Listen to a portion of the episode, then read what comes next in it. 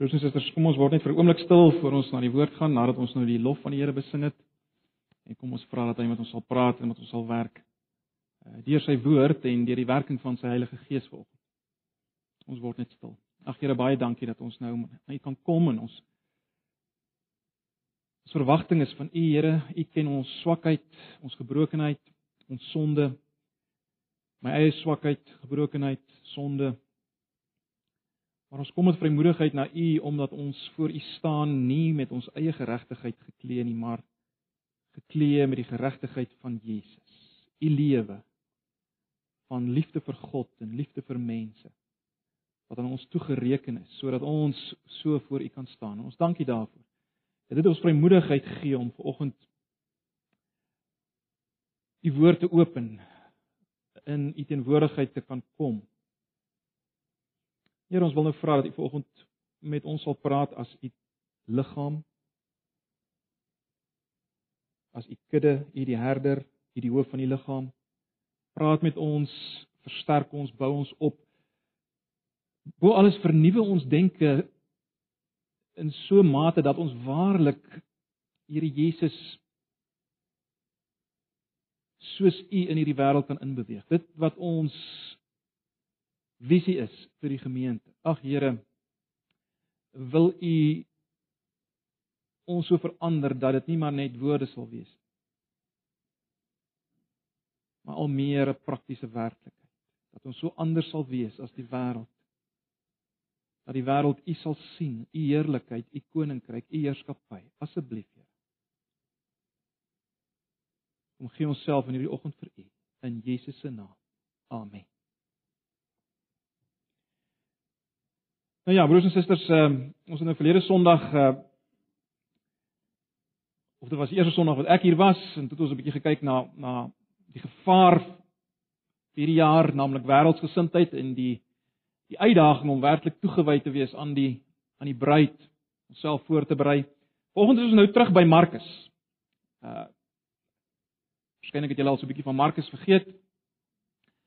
Markus, ons uh, is by Markus hoofstuk 9 nou. Ons het al oor Markus hoofstuk 9 gepraat. Ek wil 'n bietjie vir die volgende paar sondae bietjie in fokus op Markus 9 vers 33 tot 50. Want ek dink tog is 'n baie belangrike gedeelte.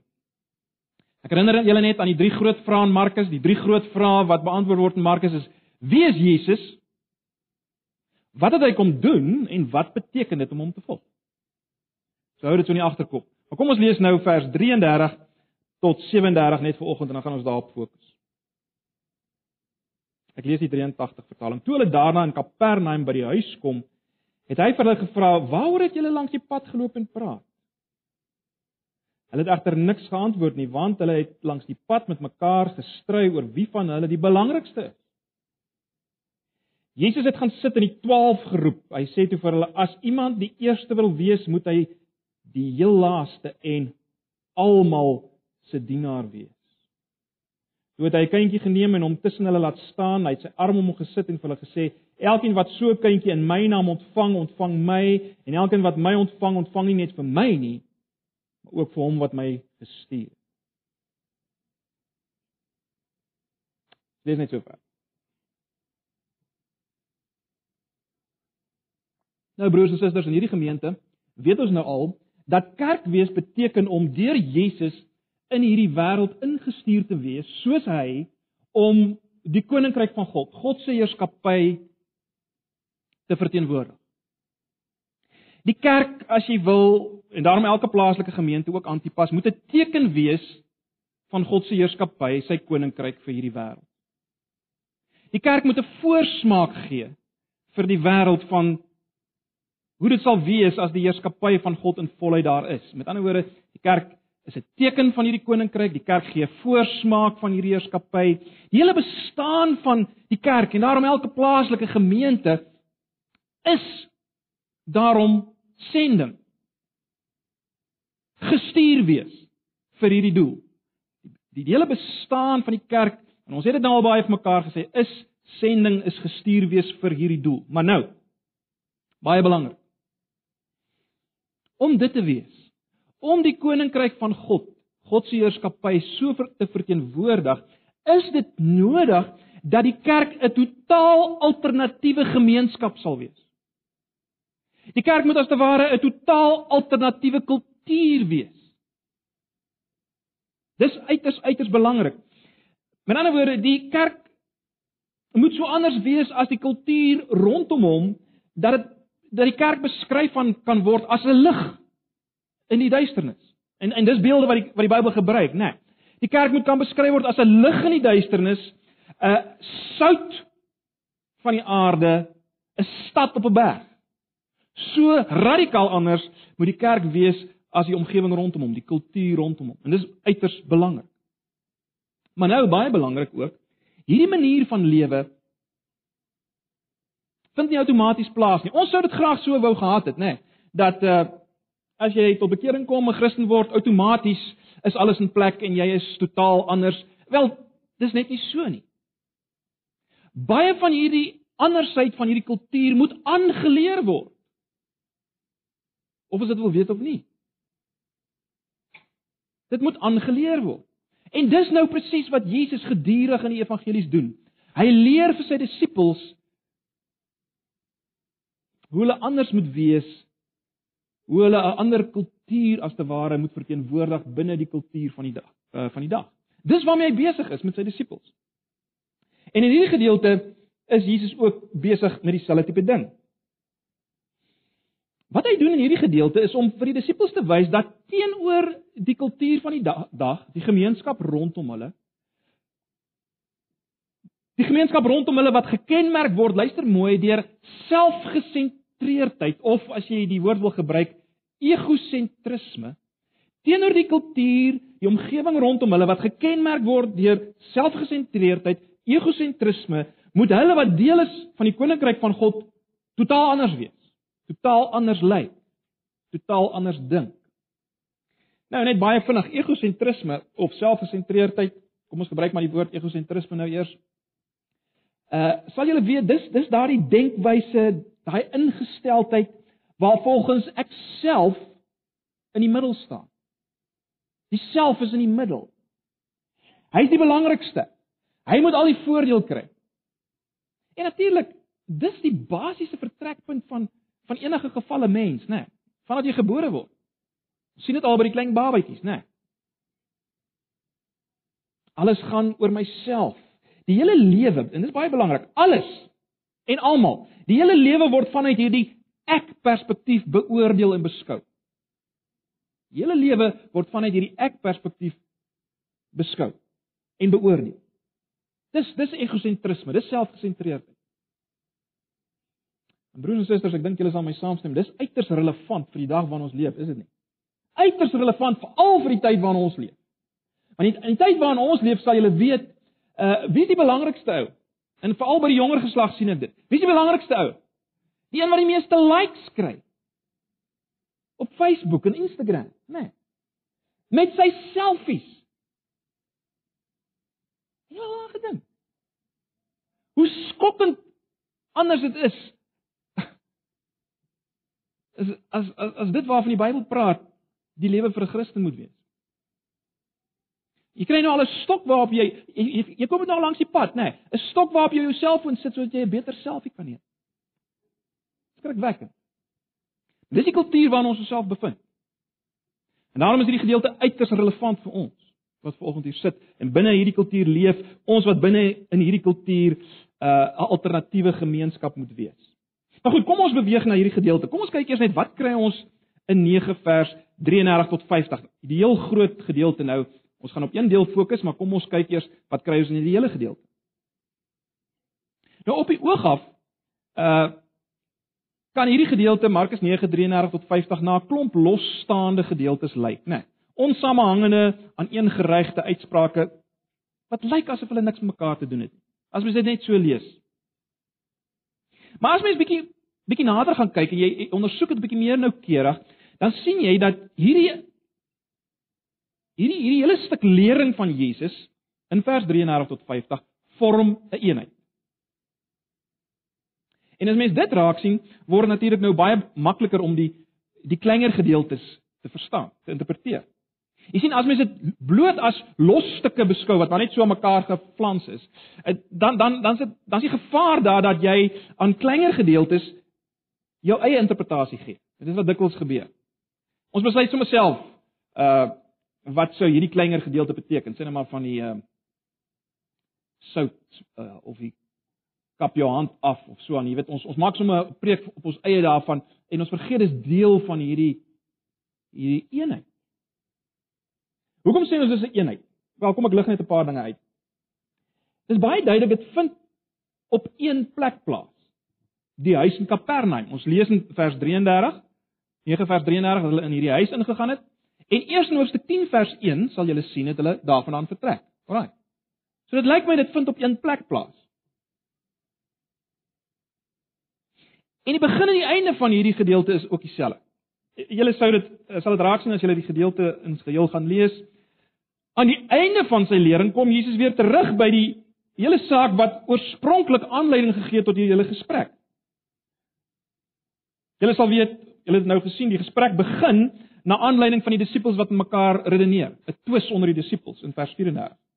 En Jesus sluit dan af met sy woorde: Hou vrede met mekaar. Kan julle sien dit vorm 'n eenheid? Dit begin met 'n twis onder onder die disippels. Jesus sluit die gesprek af met: Hou vrede onder mekaar. En en en in aansluiting hierby eh, eh, hier eh, hierby is dit baie duidelik daar's 'n tematiese eenheid, né? Nee. Die vraag oor wie die belangrikste is of wie die grootste is, wie die meeste is, word deur Jesus omgebuig tot die vraag wie dien die meeste? Jesus buig dit om, as jy dit nou wil uh meer geleerd wil laat klink, uh Die egosentriese benadering word deur Jesus omgebuig na 'n meer Christosentriese benadering. Dis nou vir die slimmer ouens. Maar maar jy sien daar's 'n tematiese eenheid. So, die belangrike ding maar net vir ons, hier is 'n basiese eenheid. Nou dit beteken nou nie alles uh vloei glad in mekaar nie. Daar is 'n bietjie verspringing. Die rede daarvoor waarskynlik is omdat dit 'n baie lang gesprek was en Markus gee net vir ons die die belangrikste notas deur. Maar as mens hierdie hierdie hooflyn in gedagte hou, hierdie hooftema, eh, dan dan kan mens baie makliker uh self uitwerk hoe hoe die dinge bymekaar pas. So dis belangrik om dit te onthou. Dis wat ons kry hier. Dis 'n een eenheid. Dis die groot ding wat jy moet onthou, dis 'n een eenheid. Hoe pas hierdie gedeelte vers 33 tot 50 in by die groter konteks van Markus? Kom ons dink net vir 'n oomblik daaroor. Jesus is op pad na Jerusalem om te gaan sterwe. Dis baie belangrik. Dis sentraal. En is ook die agtergrond van hierdie gesprek, né? Nee. Dis ook die agtergrond van hierdie gesprek. Uh op hierdie stadium is is Jesus se verwerping, sy lyding wat al nader kom is van baie groot belang.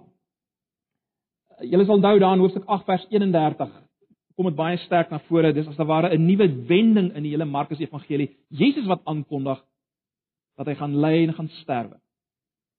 En jy sal weet dit is 'n groot skok vir die disippels, ou Petrus, uh dat Jesus dit so eksplisiet stel. En en en weer en weer daarna wys Jesus op sy lyding wat voor die deur is. Ons dink aan hoofstuk 9, vers 9 tot 12, hoofstuk 9 vers 31.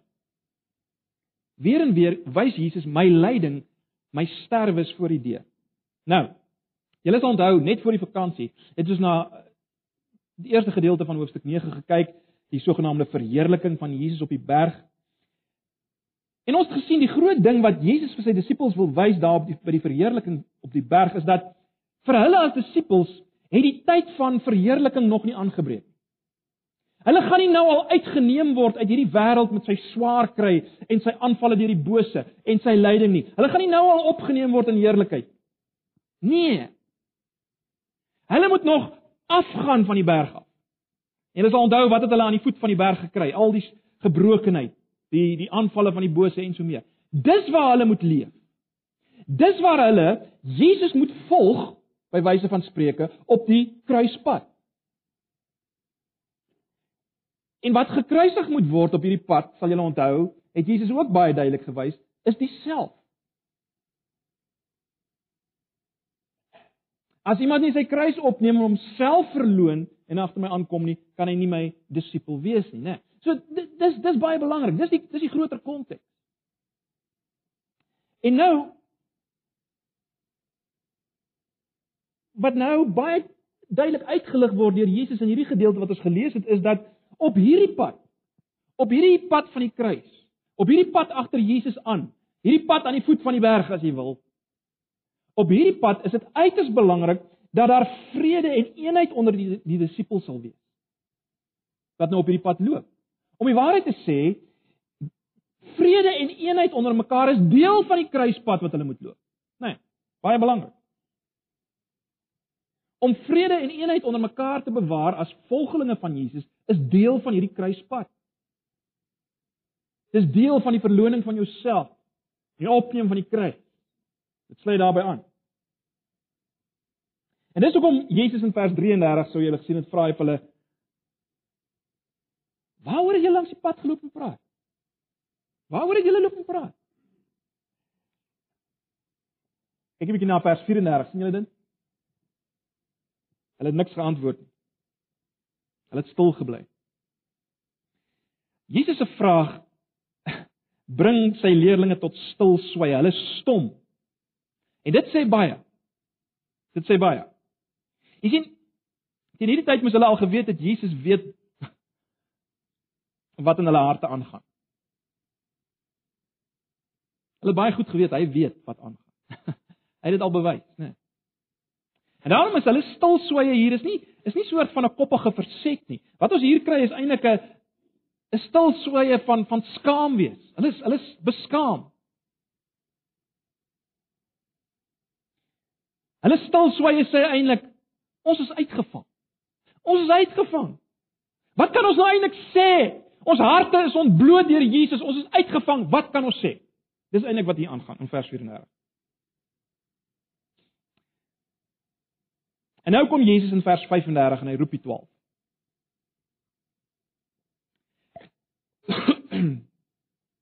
nou die spesifieke verwysing na die feit dat Jesus die 12 roep sê natuurlik onmiddellik vir ons, daar was baie ander disippels ook. En ons weet daar was, né? Nee, op 'n stadium het hy 72 disippels uitgestuur.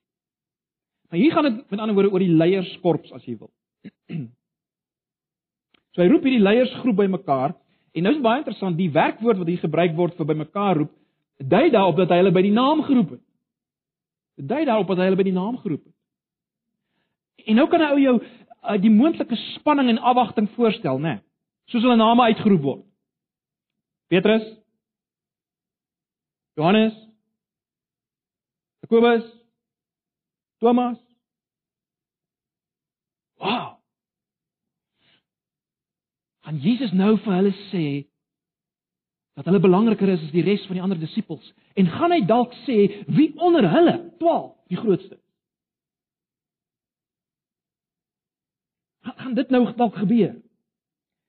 En dan broers en susters Kyk hoe vreemd klink Jesus se woorde in hierdie situasie. Hy sê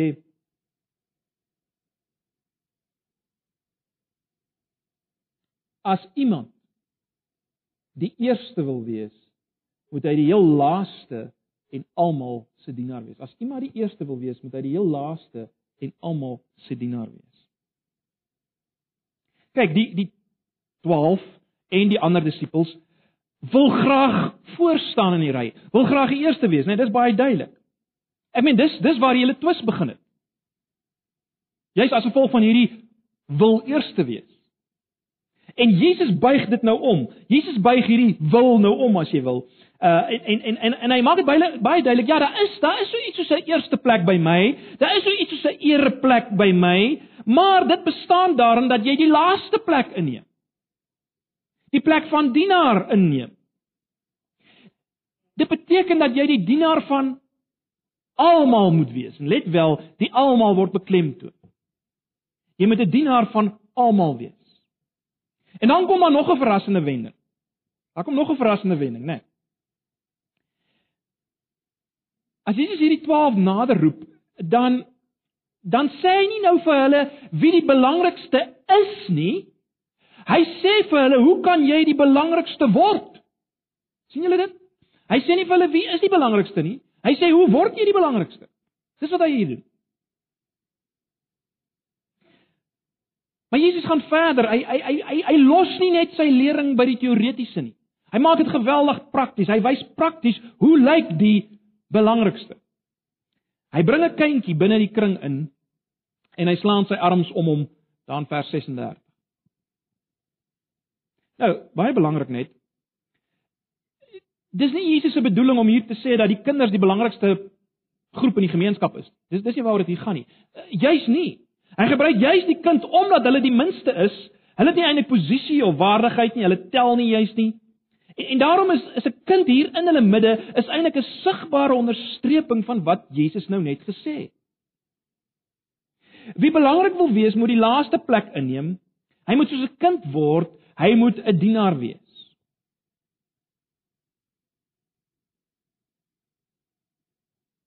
Maar nou is nie nog iets interessant. Matteus, as hy na hierdie gedeelte verwys dan uh dan brei hy uit oor die feit dat hulle soos kinders moet word. Markus konsentreer op iets anders. Markus konsentreer op 'n ander manier waarop Jesus hierdie les uh van die kind wil tuisbring. Kyk 'n bietjie na vers 37. Elkeen wat so 'n kindjie in my naam ontvang, ontvang my en elkeen wat my ontvang, ontvang nie net vir my nie, maar ook hom wat my gestuur het. sien julle dit? Hoe moet ons hierdie term ontvang verstaan? Hoekom hoekom lê ek klem daarop? Wel, dink net aan hierdie situasie wat ons hier het. Onthou nou die boodskap wat Jesus wil tuisbring is gerig op hierdie ouens wat gestry het oor wie die belangrikste is. Jy sien vir hulle was hulle aanvaarding hulle ontvangs hoe met ander woorde hoe hulle ontvang word Dit was die groot issue gewees vir hulle, né? Nee. Dit was voorop in hulle gedagtes, hoe moet ander mense hulle behandel want ek meen hulle is die belangrikste. Dit was voorop in hulle gedagtes. En nou kom Jesus en hy help hulle reg. Jesus kom en hy wys vir hulle, kyk, julle is nie disippels ter wille van julleself nie, julle is disippels tot voordeel van ander. Dis wat Jesus kom wys.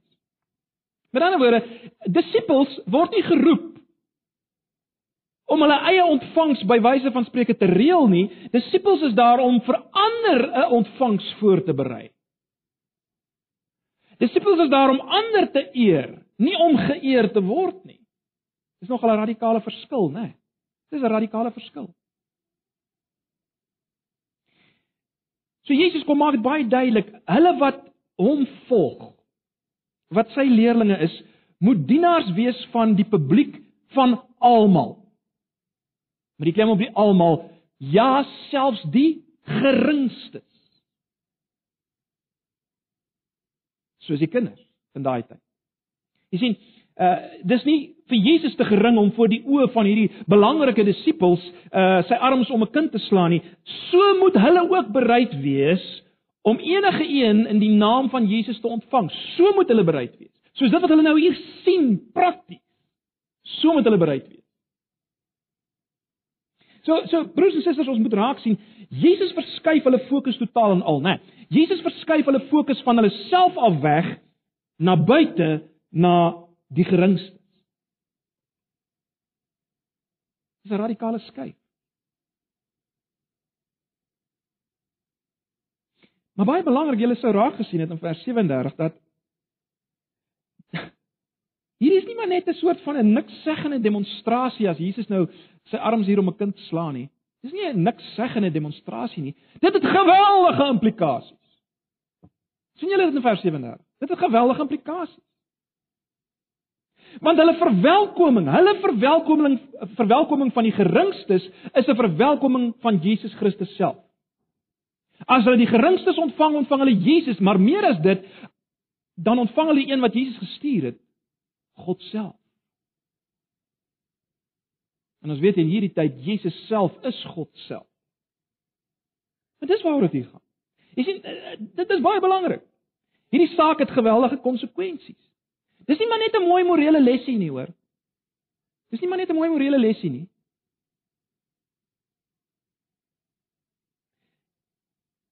Wat Jesus hier vir hulle sê is dit: Julle verhouding met God is op die spel. Julle verhouding met God is hier op die spel. Dis wat hier aangaan. Deur julle twis onder mekaar oor wie die belangrikste is, is julle verder van die pad af as wat julle dink. Julle die basiese van disippelskap, die basiese beginsels van disippelskap verstaan julle nog nie. Dis wat Jesus vir hulle sê.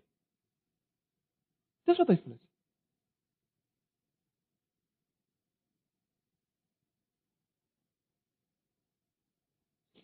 En broers en susters, Jesus gee natuurlik hier dringende noodsaaklike voorbereiding vir hierdie ouens wat uiteindelik op hierdie stadium is hulle die embrio van die kerk wat gaan kom, né? Nee.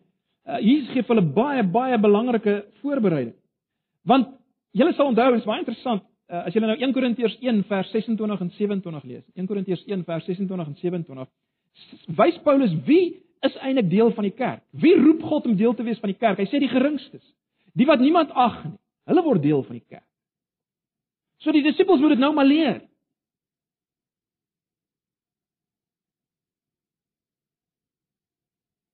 So Jesus sê vir hulle kyk as julle mekaar nie eers regtig wil aanvaar nie. Julle julle twis onder mekaar, wie is die belangrikste? Kyk hierso. Julle moet nog baie verder gaan. Julle moet die geringstes aanvaar. En dit was radikaal vir hierdie ouens, hoor. Uh as jy mens nou later in Markus 10 vers 13 en 14 kom dan En dan dan sien mense hoe moeilik was dit vir hulle hierdie hele saak van die kinders wat belangrik is. Maar dis wat Jesus hier leer. Dis wat Jesus hier leer. Maar kom ons bring dit alles bietjie nader aan onsself. Kom ons bring dit bietjie nader aan onsself.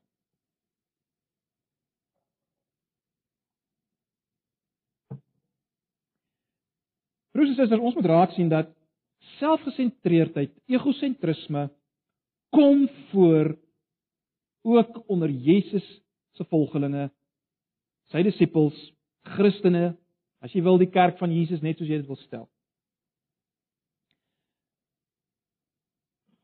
Ons bring daai stuk bagasie van egosentrisme, bring ons dit wel saam uit ons ou lewe uit ook as ons Christene geword het. Dit verdwyn nie maar net. En dis dis ons moet dit raak sien. En en ons moet verstaan dat selfgesentreerdheid, egosentrisme is is is altyd verkeerd vir almal. Ek meen ek dink selfs die wêreld uh, is nie baie lief daarvoor in 'n sekere sin nie, alhoewel almal dit uh, do, doen en daardeur gedryf word, maar jy hou nie daarvan as jy dit in iemand in iemand anders sien nie. Maar maar as dit kom by die volgelinge van Jesus, is dit is dit aklig as ek dit so kan stel, want jy sien dis dis totaal die teenpool van Jesus. Want Jesus is die teenpool van alle selfgeregtigheid. Hy staan loodreg teenoor alle selfgerigtheid, egosentrisme, noem dit wat jy wil. Dink 'n bietjie vir 'n oomblik weer oor Jesus, né? Nee. Hy's die hy's die lydende een. Hy het afstand gedoen van al sy regte. Dink aan Filippense 2 vanaf vers 5. Hy wat aan God gelyk was, het sy bestaan op God gelyke wyse nie geag as iets waarna hy moet vasklem nie. Hy het homself verneder, hy het die gestalte van 'n slaaf aangeneem. Hy het homself verder verneder tot aan 'n kruis waar hy nakend gehang het. Dis Jesus. Dis Jesus. En ons sê ons is sy volgeling.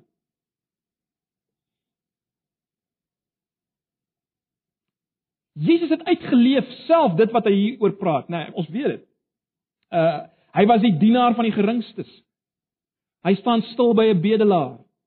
Hy maak tyd vir kindertjies.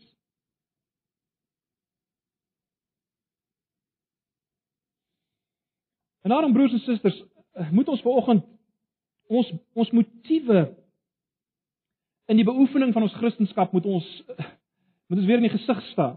Of kom ek stel dit anders, hierdie gedeelte vlek ons motiewe vir ons beoefening van kristendom oop, is dit nie? Dit vlek dit oop. Die vraag wat jy jouself moet vra is: Is ek 'n Christen ter wille van my eie gewin en voordeel? Jy moenie te gou dit antwoord nie. Is ek 'n Christen ter wille van my eie gewin en voordeel? Sien ek nie maar net my Christen wees as nog 'n aspek van my lewe wat vir my tot hulp kan wees om my maksimum potensiaal te bereik nie. As ek dit kan voeg op my CV, help dit my.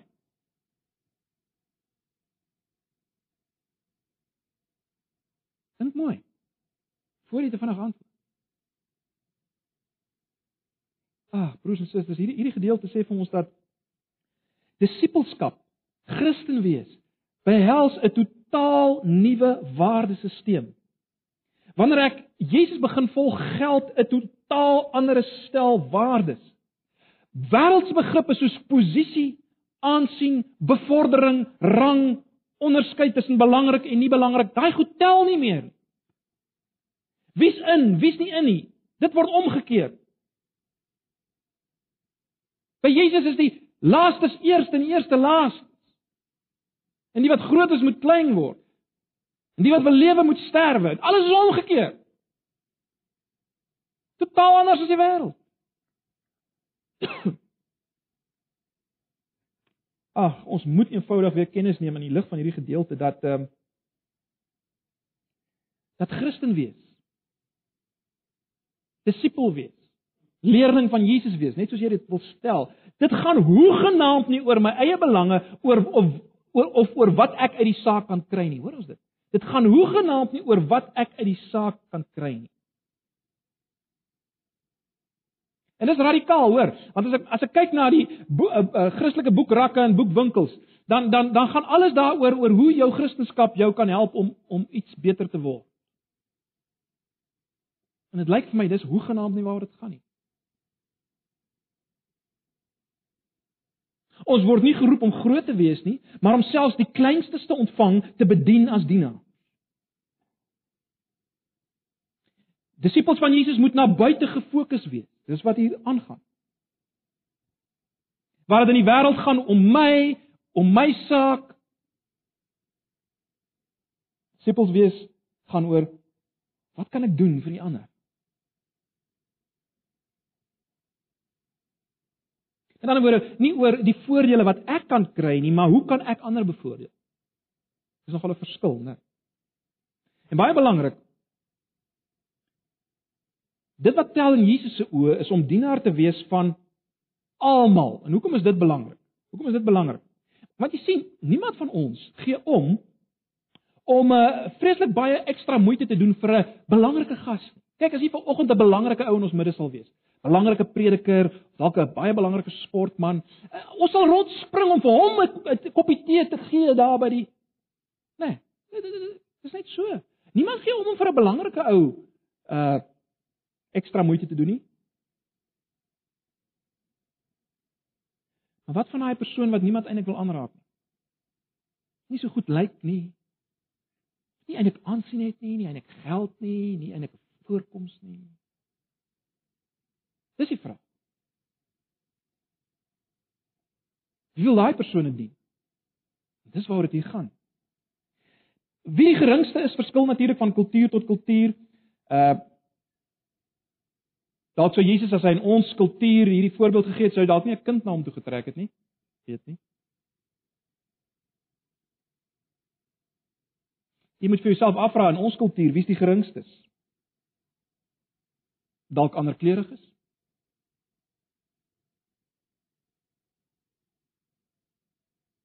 Verjaardes? Siekes? Elkeen moet vir homself dit uitwerk. Maar broers en susters, die groot ding wat ons moet raak sien, dit is geen ligtelike saak nie.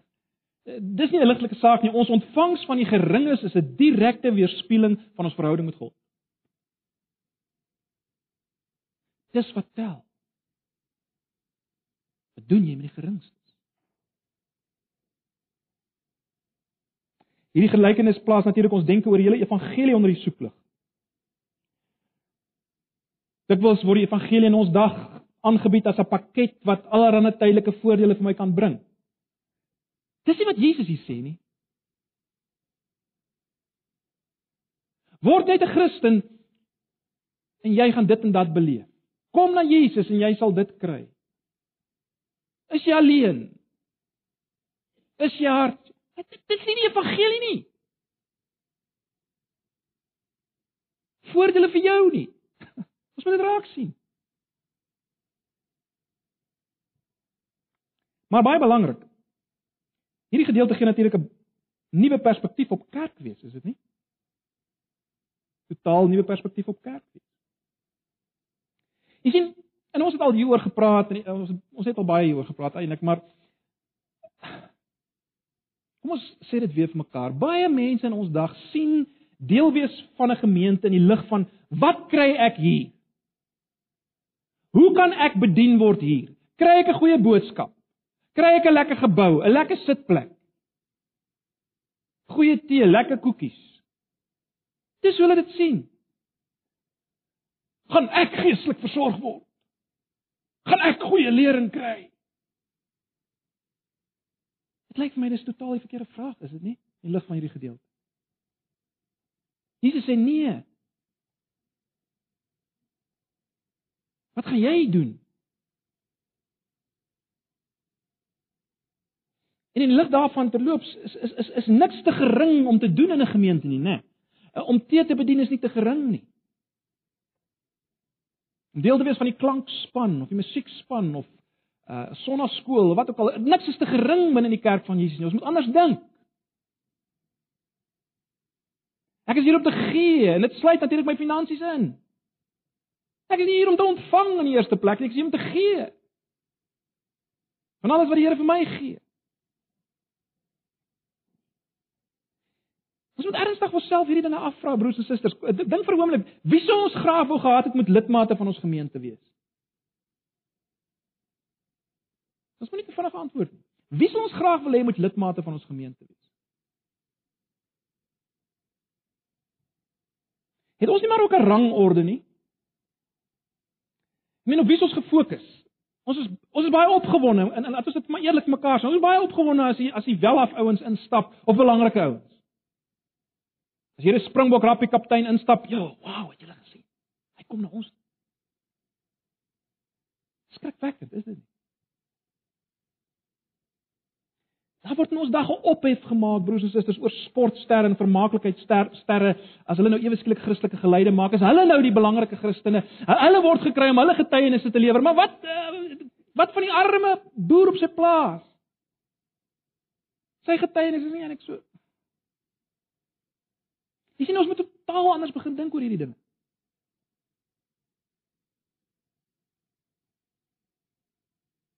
Totaal al anders. Ag julle sal weet hierdie jaar wil ons nog meer klem lê op ons selgroepe as as eintlik alternatiewe gemeenskappe binne ons geografiese gebiede wat kan inbeweeg in ons geografiese gebiede. Mense so bereik uiteindelik met die evangelie met 'n ander kultuur.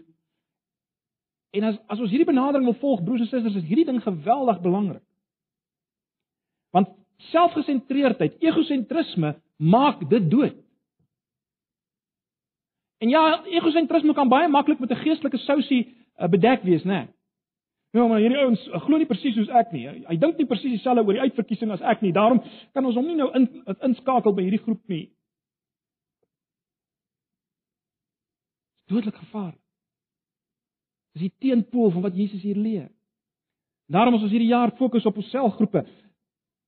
Kom ons fokus op die die aflê van egosentrisme en selfgesentreerdheid en die gefokusdheid op dienaar wees van almal, ook die geringstes.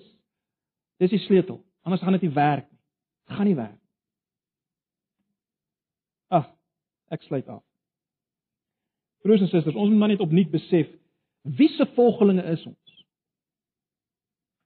Ons is volgelinge van die lydende Jesus wat sy hemelse heerlikheid verlaat het, wat nee gesê het vir al die skatte en al die koninkryke van hierdie wêreld wat afstand gedoen het van al sy regte, uiteindelik van sy eie lewe afstand gedoen het. Ons is volgelinge van hierdie Jesus.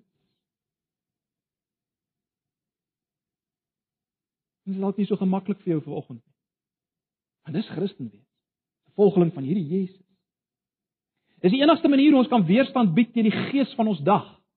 As ons fokus op Jesus.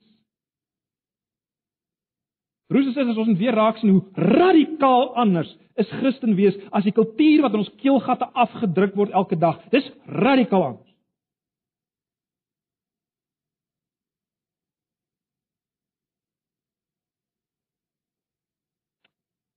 Ag ek hoop ons sien maar net weer opnuut vanoggend as ons as ons sê ons visie is om soos Jesus in ons gemeenskap in te beweeg, om die koninkryk laat sigbaar word. Ek hoop ons sien vanoggend weer ons ons is nie maar net besig om om mooi formules te gebruik nie. Dit het praktiese implikasies vir my manier van dink en optree op grondvlak elke dag. As ons sê ons wil soos Jesus gestuur word in Pretoria, Pretoria Wes. Die groter wêreld. Ag, mag die Here ons help om om ter harte te neem wat Jesus hier leer. Die eerste wil wees met almal se dienaar wees.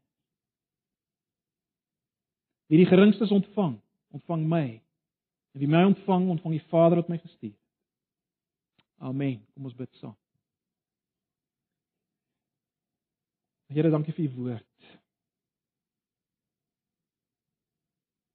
U woord wat inderdaad 'n tweesnydende swaard is, ongemaklik is. Maar Here, ons weet uiteindelik dis wat ons nodig het om ons te verander om soos Jesus te word, soos Jesus te leef. Ag Here, ek vra dat U vir my en vir elkeen van ons wat hier sit genadig sal wees. Vergewe ons. Vergewe ons ons selfgesentreerdheid, ons egosentrisme. Ja, dikwels baie mooi bedek met gekultiveerdheid. Maar Here, U weet dis daar. Vergewe ons. Mag die genade van ons Here Jesus en die liefde van God en die gemeenskap van die Gees met ons elkeen wees en bly as ons gaan dienaars wees van die geringstes tot eer van sy naam. Amen.